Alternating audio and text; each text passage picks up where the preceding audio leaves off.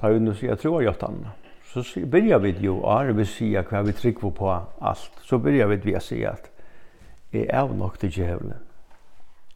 Och alla gjerninger hans och allan ätbor hans. Det är det allra första vi säger. Kvarje affär.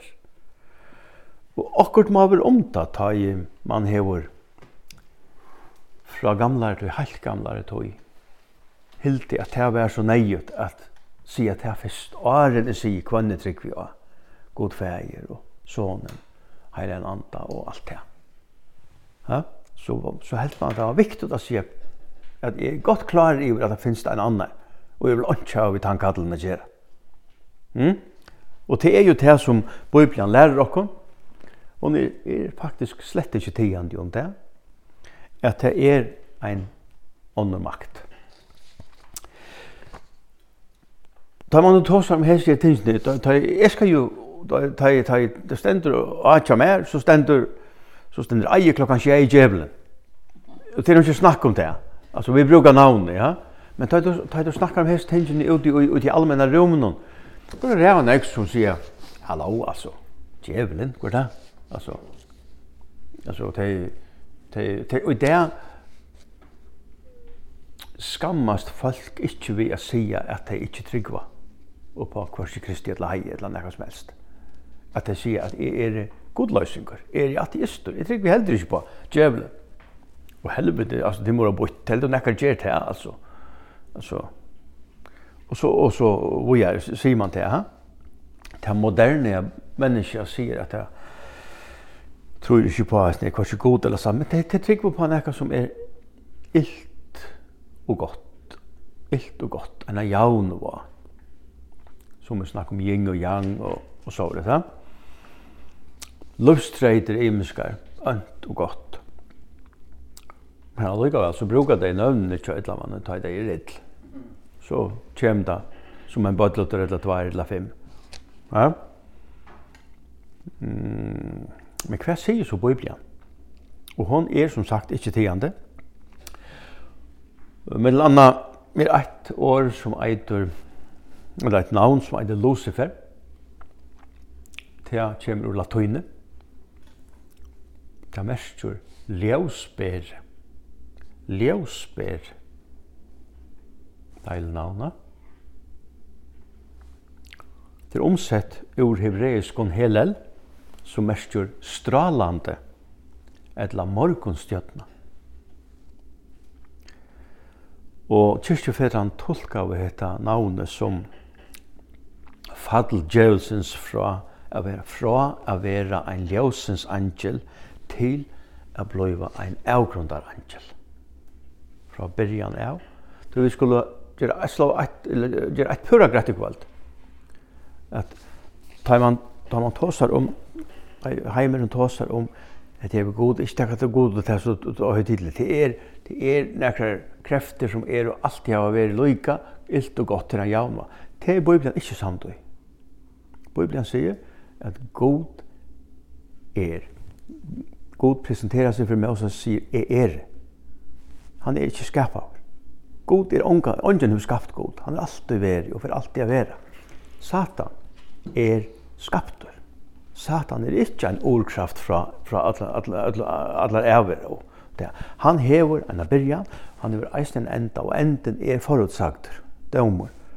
Helvete, som det ikke vil vite av, er skapt til han. Ikke til okkom. Det er skapt til han. Så han er byrjavur, han er skaptur, gauur. Tui eitir han ljósens angel. Han er skaptur, og han endar som en avgrundar angel. Så det er ikkje nekka vi er sujistidla kreftene til gaua. God er gaur stendur. Og han er den einaste som alltid er veri. Så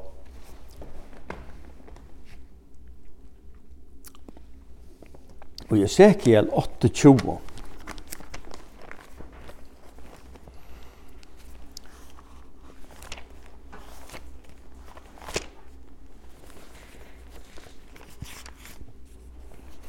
Jeg halte jeg må i her og skifta kikare.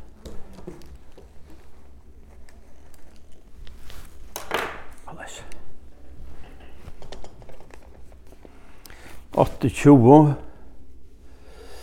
12 til 15 pluss 16 Her tenker så leis Mansbad hevja harmlig om kongen av Tøyrus og Sivia så sier Herren drotten to vart vitskunnar ein innsikle vitskunnar innsikle fotler av spekjer og all fævor Tu vart i eten. Tu vart i eten, legg mest til. Tu vart i eten. Allting er gods. Vi allsins døyrun steinon vart tu av taktu. Karniol, taupas, jaspes, Krusolitt, sjóham, onyx, safir, karfunkel og smaragd. Og alt hetta lagt og umkjærer av godle. Og tog degi, tog du var skapaver, var det tilbyggve. Legg mest til, og at tog degi ta i to vart skapavar. Ta var alt dette klart. Öll tunn dörd. Det var atlan til det. Det var tilbyggve.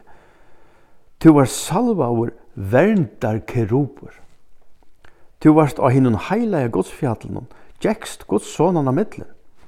Luita leis vær ætfer tøyn fra tøy degi tu var skapavar og til misbrott var funnet tja. Fra det var skapet av til misbrott var funnet tja.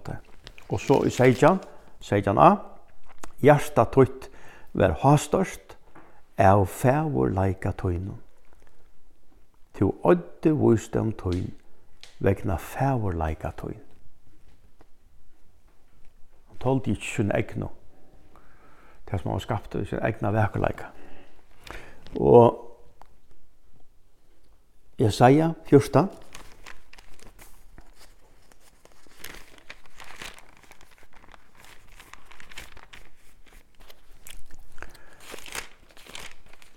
Jesaja 14, 11-15.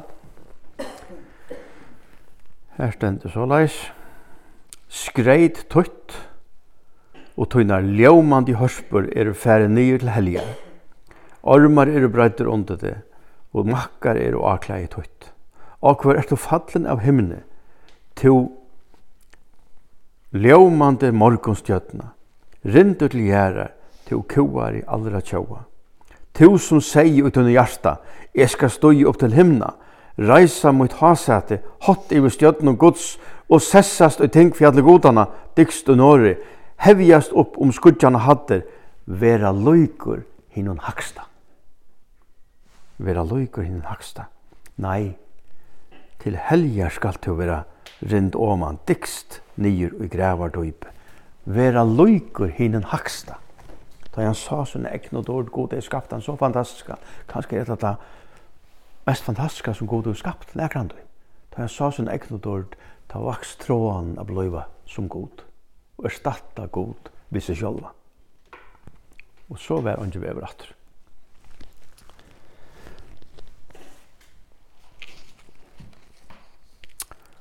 Eh, og te er tøytid i øren korint 11. Og i øren korint 11.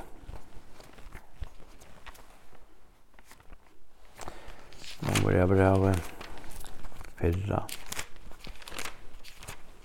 Sattna. 11. 13 til 15.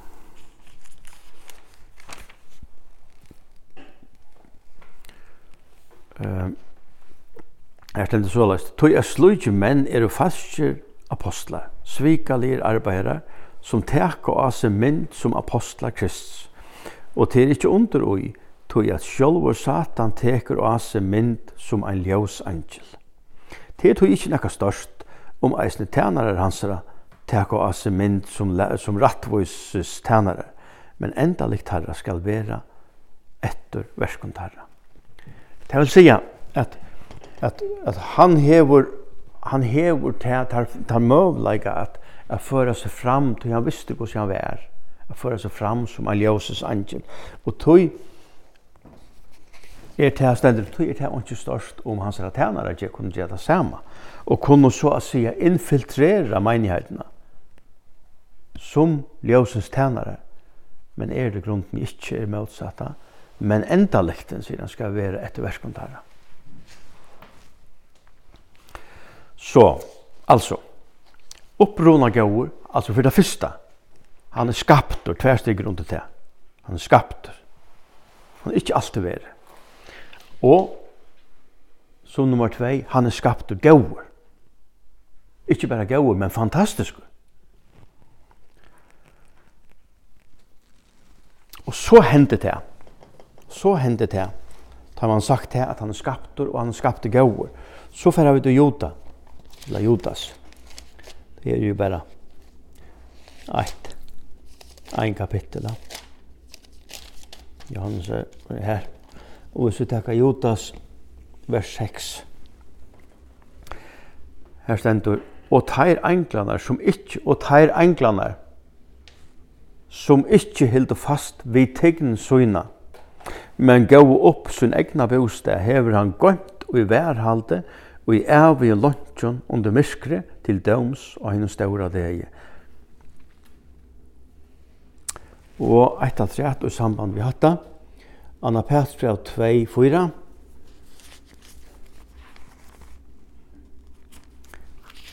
Fyrra, sætna 2, 4.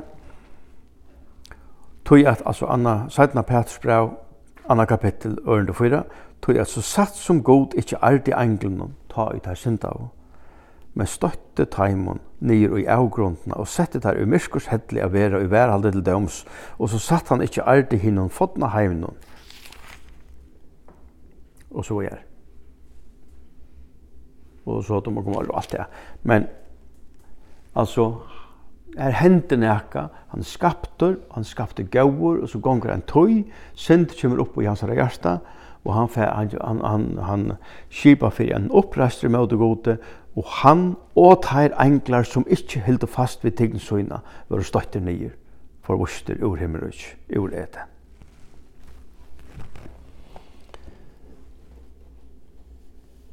Og Lukas 28 kommer vi takka eisne.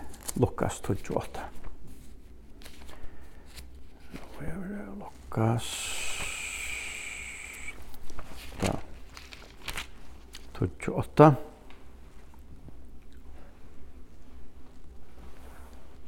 hatta er ikke rett.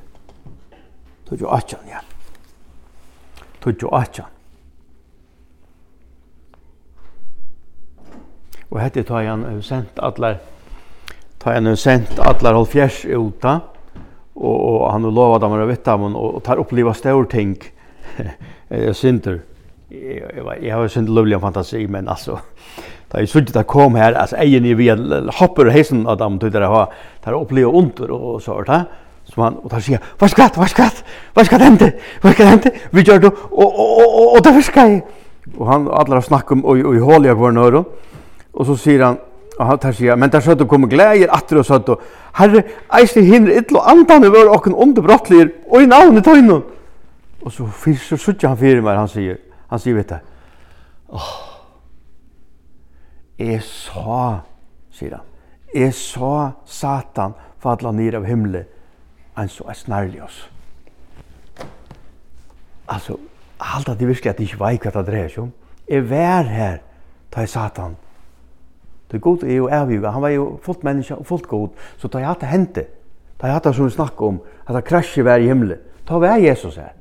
Så han sier, ja, ja, jeg var her, da han ble sparket over nye. Hallo, jeg vet ikke hva det dreier seg om. Men det skilte det her nok ikke da. Så, og så kan man spørre, hva spør det til at dette her kunne hente? Han ble skapt, han ble skapt gode, han ble skapt helt fantastisk gode men allt allt allt alltså ädla metallerna som blir rex det är akkurat som att bibeln hon vet ju alla gudstjän ska jag vet inte vad ska skriva för att vi skulle förstå hur så fantastisk satan blev skapt. Allt det och det var livet. Så blev sagt en tjock gullramar runt honom och det var livet. Ta han blev ta han blev eh blev skapt alltså alltså han var helt fantastisk. Vitskunar insigle alltså ja det var inte som han. Och så hendur dette krasje, hur spelar til? Og ja, han var skaptur vi fralse. Og skaptur vi fralse. Og jeg har spekulerat på Og hetta må standa fyrir min egnu rokning som jeg sier nu, og nu er han tyst på, så får jeg kanskje onkran som var ikke for skjelt for onkran, men det gjør han ikke, det klarer jeg nok. Men jeg har spekulerat på om hetta var fyrsta røyndin til å gå til å skapa et individ vi fralt som vilja. Du vet du skapte fra som vilja, vi er skapt til relasjon, og du kanst ikke ha relasjon annars det er frivillig. Annars blir det en sjuk relasjon. Men Satan ble i öllum foran, at det kan omkring av oss nere som høyre med, hvis det er omkring onkra grad i teologi, så kunne det rette med hvis det skreft. Men dette vil jo ikke spekulere. At om dette var en, en måte å skapa relasjon, men hon, hon får fisk av til at hon at han tolte ikke sin egna vekkerleika, altså. Og, og, og grunden er, så lydst han øyla nek okk. Rævlig kjøtt av vi var stolt, og han blei hugg med å gjøre. Så, så vi kjenner det vel atter, det som vi fyrir gynnsi kjæra. Skapte vi fralse og bruka fralse skreft. Og det er jo en møvleik, da du hever fralse. Hvis du, hvis du, hvis du ikke hever en møvleik å velja i middelen rett og skreift, hva er fralse så? Så er det ikke stille. Ja alltså att välja gott med med mellan gott det blir sig fram till det. Så og, og Johannes 8:44 jeg leser ikke alt skriften eller blod så langt.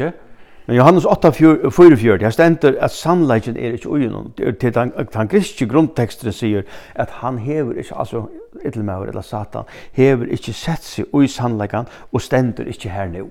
Merker det. At han sannleiken er ju ugen. Så det er et tilvita vel, et tilvita vel, det er nok så viktig at dette er et tilvita vel fra byrjan av. Tog i Johannes 3, 8 stender at fra opphavet.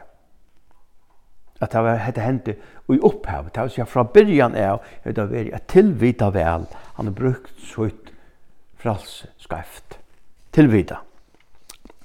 Så som öll ånder frals fornuftsindivid måtte han velja, eller kunne han velja, og i mån til gaver og evner, og han valde liggen.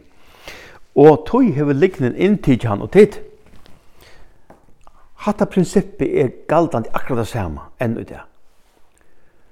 Ta i vid synda, ta i vid gjer okkur som skreft, og vi gjer eit eller annet som vi ikke vilja uh, vikenka, og i öllum føren ikke vilja vikenka, ehm hva sier man omskilta eller be eller gjøre opp eller noe såret Det vil vi vil ikke rota det ut. Så er det oi akon og teke meir og meir og meir og meir av plass. Det eter seg inn og i imisk omrøyr i løvnen. Det, det er et prinsipp.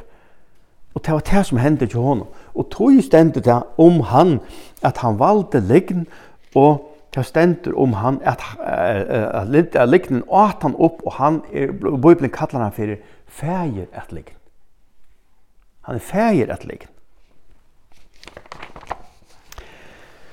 Eh, vi kallar han djevelen og Satan. Navnet Satan fyrir kjemme fem hold trus fyrir bøyblene, 20 fyrir gamla testamentet.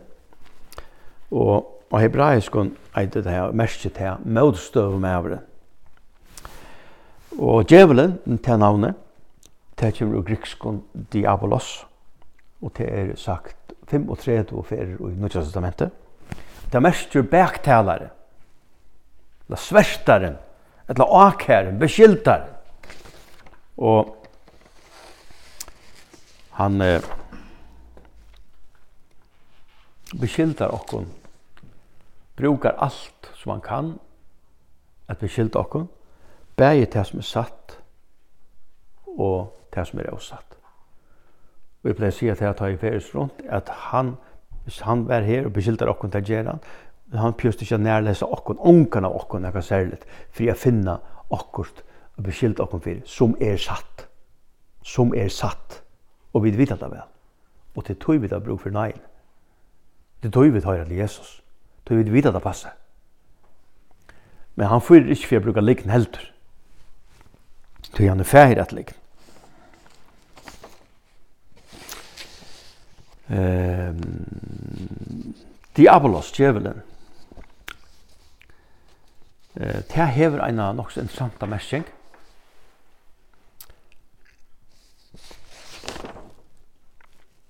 Grifskon. Det hevur en opprunna mersing som merser at føra fra hverjen øren, at skilja sunt, det vil si at det er en som brøyter samband, og legger samskifte, og legger tilhørsforhold. Og ta reka du mennesker øyla, øyla meint, ta du brøyt og samband og reka, og reka deg og i, og i, og i, og i, heter her, samband vi kvann annan, ha?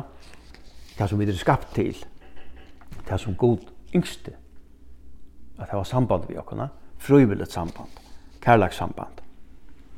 Så har vi et navn som heter Belzebul, Belzebul, eller Belzebul. Møyla, mest til floen her herre, vi bruker ikke noe tøy på det det är onkel onkel onkel avgoder det också som som och vi en en chafelisten alltså en läkedom skoter chafelisten men som långt sagt Satan er et skapt individ, det ser man eisen i 1. Mosebok, kapittel 3, vers 1 og ut etter, søvann om syndafallet, om slangene her, la ormen. Eh, Vi kan godt lyka byrja til. Vi kommer til å ta lydsindra at roi til eisne. Troi 1, her stender men ormeren, altså første med oss ossbøk troi 1, men ormeren var snifundigare enn ødel ånder djur av marsjene, som Herren god hei skapa. Eh,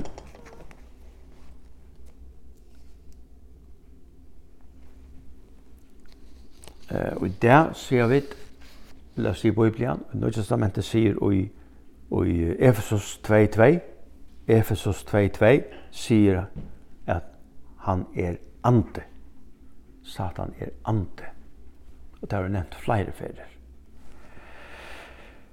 Um, og jobb stender om han at han ferreist til middelen englene, som vi løser om i Jan, han ferreist til middelen englene, men vi er nevnt for å se. Og det stender bæg i jobb 1.6 og i jobb 2.1 jobb 1.6 og jobb 2.1. Her er en søva om at han tåsar om tid vi kjenner søvna, at han fer framfor god, og god sier gavst og fær, gavst og var fær om tænar om en jobb. Ongen er så rett og sier gau med oss med han, og han sier, ja, ja, hvor held du han er så gau? Kjem mer nekra fåar manar vina. Utan, to hev gjort veldig gær undan om han, ha? Det er løyan gav, hvis jeg slepp fram etan, dun, dun, dun, dun, dun så er det nok så interessant søve at man vet om det hvordan det hender. Og, og så interessant på den måten at Satan, og det er ikke, hvis vi venter atter til det her som man tar, som man gjerne vil ha det til det, tar man tar det som ikke vilja vite av kristne trunne, at man sier at det her er en diffus makt, bare en ønt med å gå. Det sier Bibelen heller ikke. Bibelen sier at Satan er ikke en diffus makt av omkring slag. Hon, Satan er en person. han hever en personlighet. Og det er flere matar man kan sutja til på Mittelen anna og i eh, første mjøsbøk tro i ett. Mittelen anna her, her ser man da han tåsa vi Evo, da han lokkar han her. Vi er at um, han viser altså egenleikar, persons mennesko, så som at han tåsar.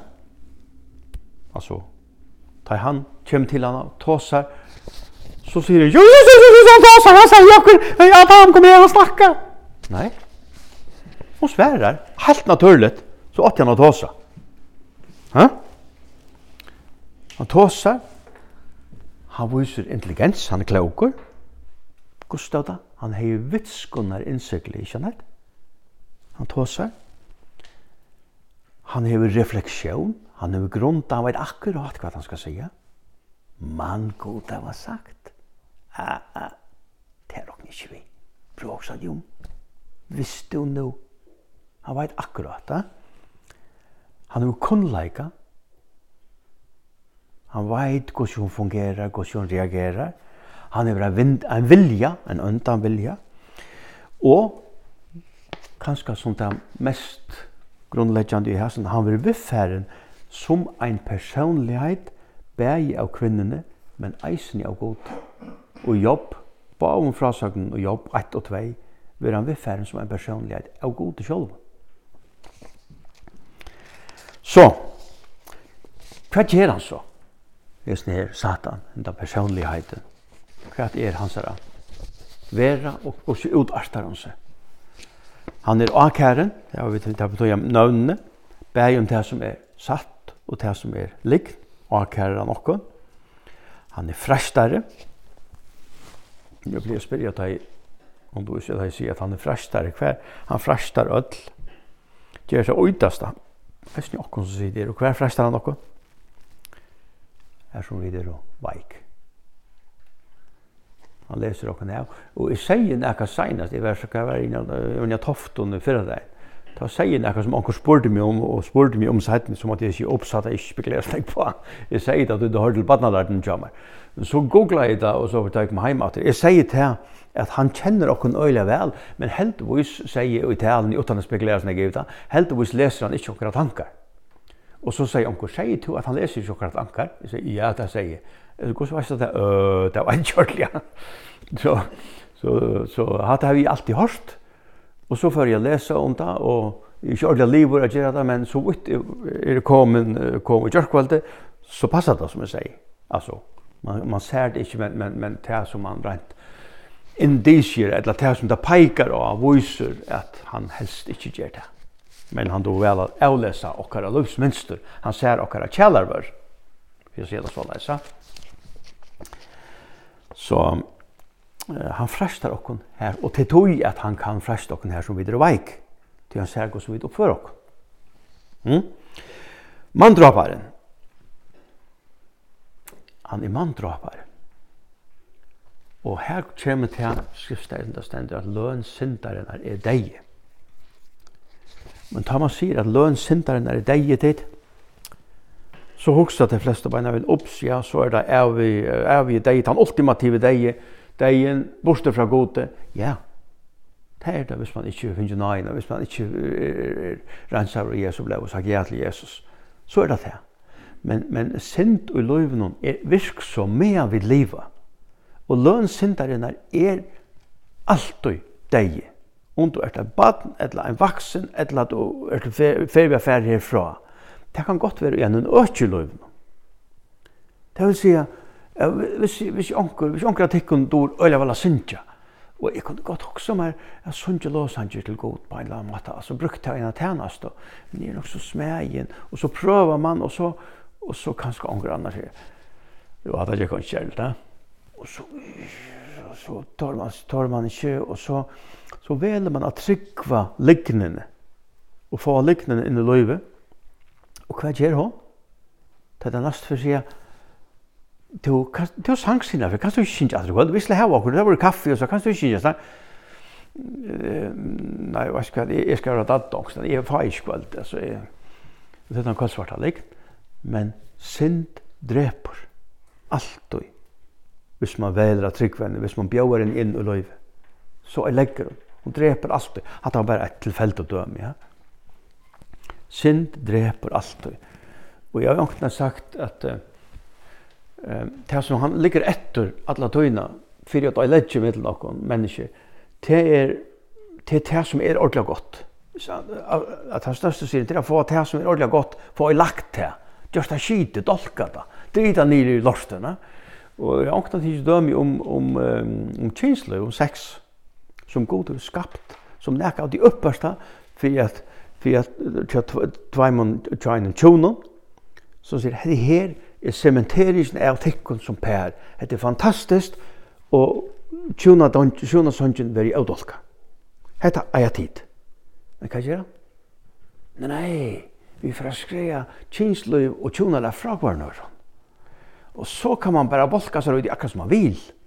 Det er det første. Og så får man vujar. Så får man til Østeuropa og, og, og lokkar unga jenter og kører og bojer og bordellen i her og, og, og hvis det skikker seg ytla så får det skatt av heroin eller også sort der av henger og så kører det og her, ja. Det er eisen sex, så kan man eisen bruka det. Eller man kan, man kan framleie badnaporno eller også sort, ja. Gavan som god gav, som nekka fantastiskt, vil skrøtt nyer og i lorten av honom hvis han släpper. Eller vi kunne takka et annet valgsignelse som han gav oss. Det er døperen. Som, som er fantastiskt. Alltså, det er, det er, det er, er et innsikle til skulle höra mer til så langt som det lever. Men hva skjer det? Vi finner noen detaljer å kjeldast om. Så etter valgsignelse blir det forbannelse. Du er tog mykje av du stå sammen med det her. Du to er tog du blir døptur 13 år siden igjen eller, eller, eller brukte en lite minne. Eller også Hm? Så skulle vi altså ikke være som, og hva skal vi få av kursen at alt i himmel og ikke eisen? Ja, det, altså, få det klandrast, få de særsikningene som gode giver okkur, få lagt der. Sint, dreper og øyer og.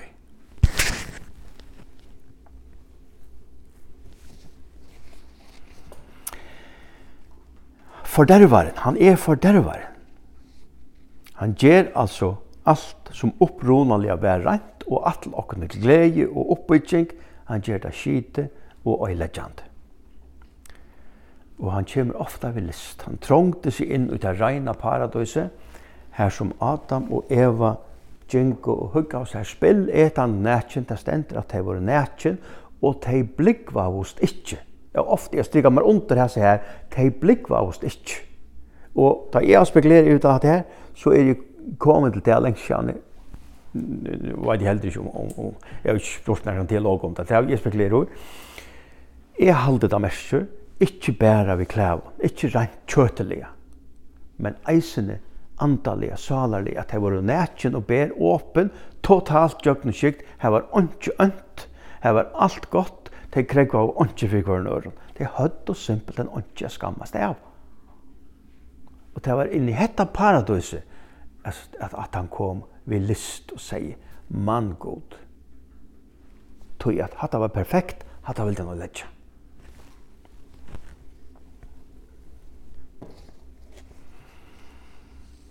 Og faktisk tid, da han var krossfester, opprisen, og så at han har sett det igjen her, så sitter han der her, og så kommer anden og samkommer han, løy og stående, kyrkja, vi stavna. Og så, i det første kyrkjene, her det løttest kvönt, her er leif kvanta nokra tre som blå frelst stendur. Og det hadde inte ikke ödla falskjen og det var fantastiskt. Og, og, og, og det var en øylig kraft.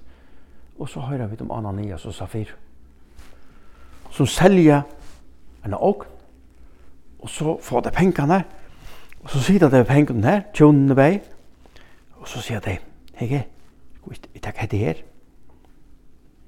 Hette var okkara, hatta kan kyrkja få. Kørn ni roi. Og så færa det, og til ok, så færa det, hei, vi tar selta nok. Kyrkja vel. Så sier han, var hatta det? Var hatta alt? Ja, ja, hatta var alt. Bum, han steindøy. Jeg sier, jeg toften, jeg var ikke mye, jeg vilja være limrig, jeg kyrkjen her. Jeg lusvarlet. Men, og så kommer kona, det er akkurat borjan ut, så sier han, to, så sier han, hver hatt alle pengene, ja, ja, bom, steindøy. Så bør der han ut eislig. Og så sier han, hvor var det samt om at likva for hele av anta? Vær, vær, vær, åknen ikke tog inn til Arne Seldana. Det er bare sagt det. Jeg unga forstår jeg så søvn ordelig, men, men, men hun er sånn reiandig, altså. Men hun kan kanskje vise okkur, gossi det er til å komme heim. Her er ongen synd. er lett ongen. Og tog tåla vi ikke å komme her. Tog er det at vi får et dårdar lika. Anten kommer her, men et dårdar lika. Vi kunne ikke være her annars. Jeg kan kusir ikke. Men tid er kanskje godligere enn jeg. Ja.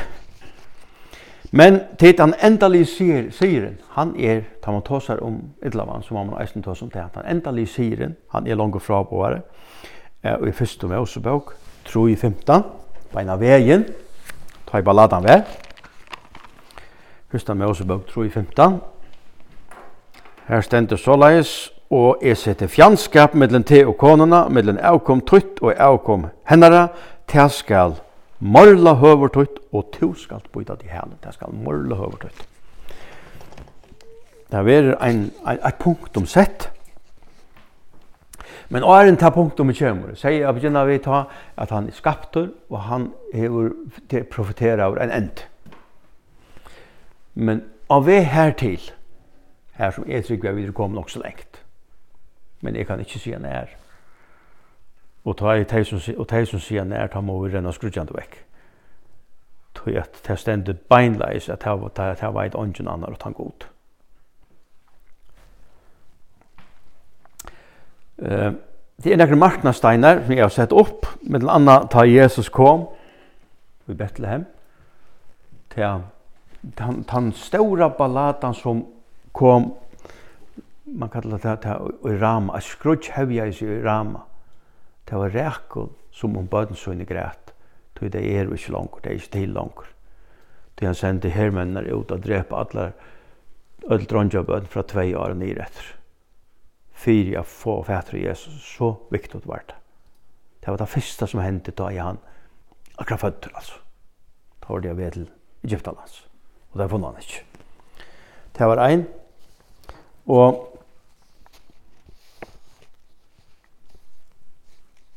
Jeg bråta Fyrsta Johannesar brev, Fyrsta Johannesar brev 3:8 vi må teka det. Fyrsta Johannesar brev 3:8.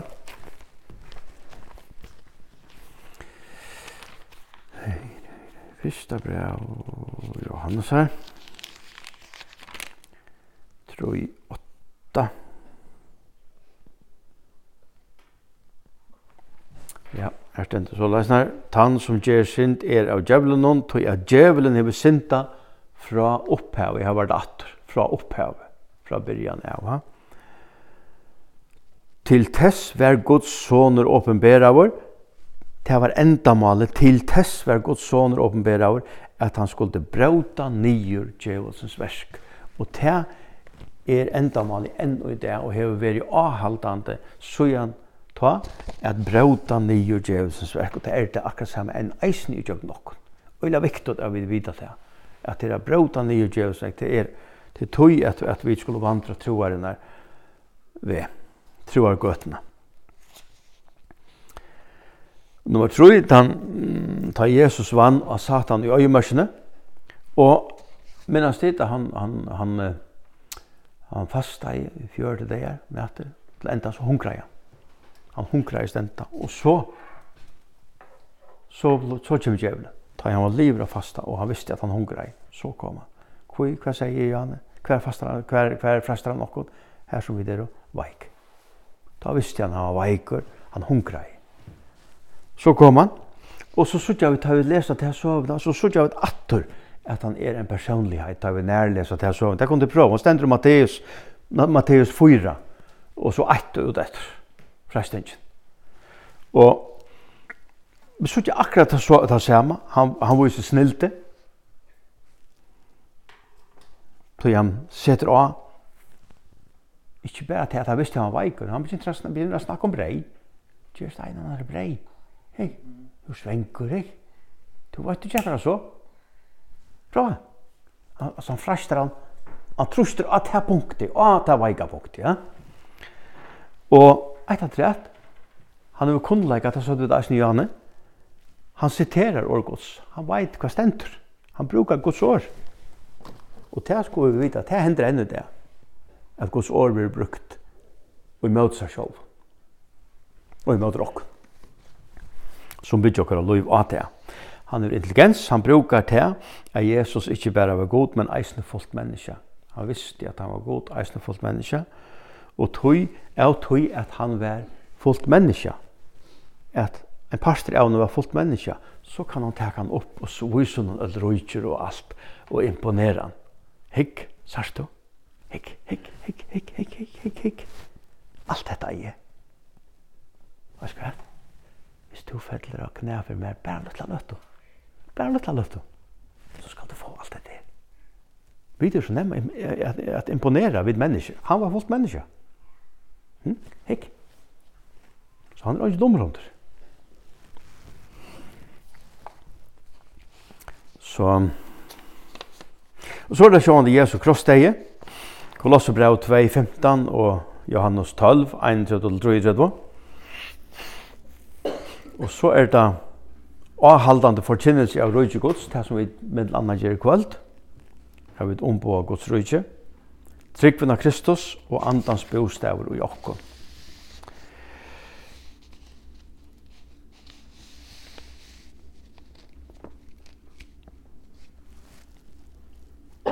heg leser et loik hetta loik loik petti her. Vi undrast ofta av hvordan det blir til at ting henta i samfelanum og virer og mørk som vi halda vera sjálfsøgt, vera flott. Og det har vi sa nekve av 18 år tusen skift i farge. Ta du vele god og makt og vedri jo hans derfra, så er åpet kja djevelen til alt hans er nye brådande virke, vi forblindelse og lokkan og frasting og vevja seg inn i syndagatene, og tror oppa at det lattare tar man påstendur, at synd er bara et år som vittnar om at man har denne en gammaldags løyde framkomna, løyde framkomna menneskasti. Man tog ungefär fra synd og helvete og alt det der. Vi vet ikke om vi er. Men enden av allar synd er akkurat det samme enn deg, som alltid vil være. Og det er bæra Guds makt som er nå stor til å vinna sier av Satan i virke hans. Og her kommer vi lese Lukas 12 og 18 til 19. Lukas 12 og 18 til 19. Men han sier vittar, jeg sa Satan falla nir av himni ans og er snarljås, så jeg har givet ikon vald til at trakka av ormar og drekar og av alt fudgjendans velde og ikke skal vera tikkun at minsta meini. Jeg har givet ikon vald, jeg har givet ikon vald. Ikke tid, jeg har givet ikon vald. Det er bare han som hever makt til at vinna av Satan og hans herra makt. Og hans herra visst.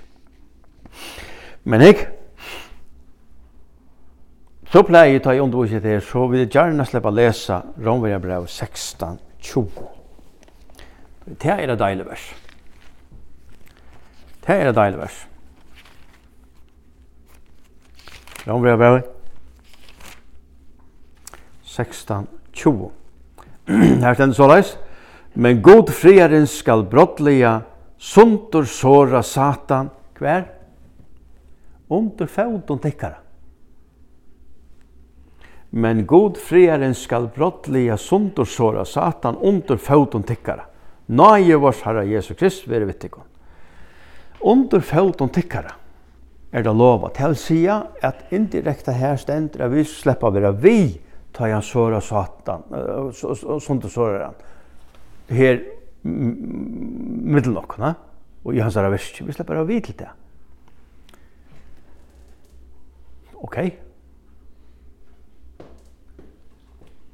Ja, men eh, det betyr det. Angstan stendur at vi skulle vandra, lei hins tryggvande skal være en som morgon glema. Ja ljøsnar og ljøsnar til det var alljøs dagur. Og så stendur eisen at de skulle genga fra Sigrid til Sigurs. Ångstan det jeg og tala møte, så har jeg sagt at det stendur, det kan du gå spyrja nu. Det stendur. Den er vi genga fra sikre til sier, så gang vi tøy. Da jeg spyrir det er blevet alt alls frelet. Vi ung vi tøy, genga fra sikre til sier.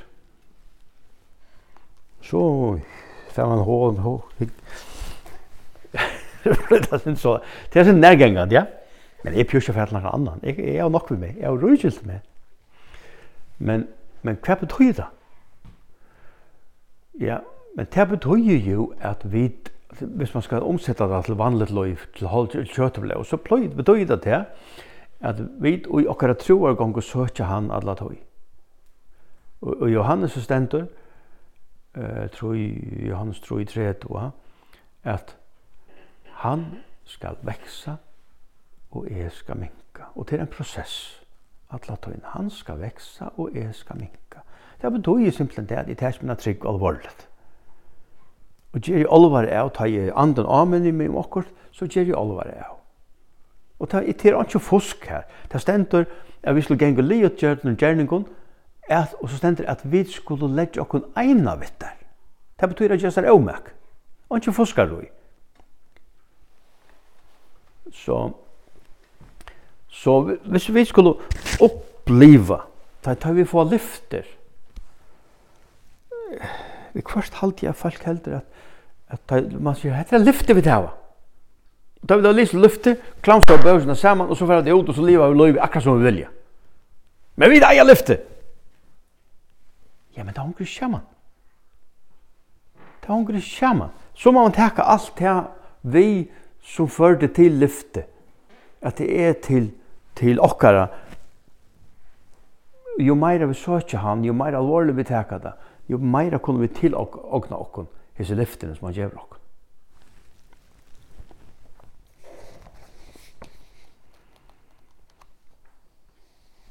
Og så så vi, og så stender at og, i Kristi kraft skal en tryggvande sikra av djevelen, Roma Jabra 16-20, og åpenberingen. Men vi får gå igjen, nå har jeg enda i halv klokka, vi det blir nok snakk. Vi glemte at jeg kan tog, vi pleier at jeg kan tog. Hvordan så vi enda likten som vi da har nevnt flere for i kveld? Og Johannes 16, 11, jeg sier ikke hver skriftårene, så kunne dit hitje på det hvis du vilja. Johannes 16, 11, stender at han er dømter. Satan er dømter. Og i Matteus 25, 41 stender om min evige elden, som og han er altså fire reigaver til hans herre. Det var omgang meningen at nekker av åkken skulle gjenta her. Oppenberingin 20, 2, 3 og 20, Oppenberingin 20, vers 2 og 3 og 20, stendur om eld og svavelkjøkven. Så tid vi standa mitt i strøynen. reinleitje, til er jeg skriver fyra ting nye. reinleitje, at vi, vi virkelig tek akkurat trygg og alvorlig. og at vi legger okken eina vi, at vi gjør okken eumek, og så hetta tid at kærleitje fjale fjölda sindom øyelig, øyelig viktig. Jeg vil vite at kærleik er fjallet fjallet av synden. Og kærleikken må genga båa vei. Det er ikke bare at jeg vet av bruk for den. Ikke bare at jeg vet av bruk for den at han, at han eier virka. Det tar jeg kreft av okken. Jeg vet eisen kunne vise kærleik og tål. Vi tog veika brøren. Det stender eisen ikke om det. Om det veika brøren. Det er vi som takk og navn. Kærleik er fjallet fjallet av synden. Og så hetta og jottan og fyrirgeving fyrir at Guds likam skal være størst og livand. Så lett okkur liva Kristus, så vid og i honom vinna sigur, og nasti okkara kan få eirin opp til det som er viktig tid. Er vid liva Kristus, så vid og i honom vinna sigur, kvoi, så lest at nasti okkara kan få eirin opp fyrir hvor Kristus er og seta sitt alit av han. Vi nekvar okkar, vi nekvar okkar nasta er vi han einaste biblian som er til. Han skeitir ikkje hesa. Men han hikker etter okkar. Og det skal være at ein og hver som akkalla navn hans er skal være frelstur til stender akkurat lukka fast i det, 2022. Så kan djevelen larma akkurat som han vil. Men ein og hver som akkalla navn hans er være frelstur og til er tid og ansett hva folk sier, så er det bare ett navn givet under himmelen som vi drar frelst vi, og til Jesus. Så er jeg nok til djevelen og alle gjerninger hans og allan etbor hans. Og i trygg vi av Jesus Krist, hans er oppreisende kraft, og Guds sikrande kraft her i løyvene, og andans vedleiing, og hjelp og gjerans stenon, så kunne vi som missionsfolk godt si et forsiktet halleluja.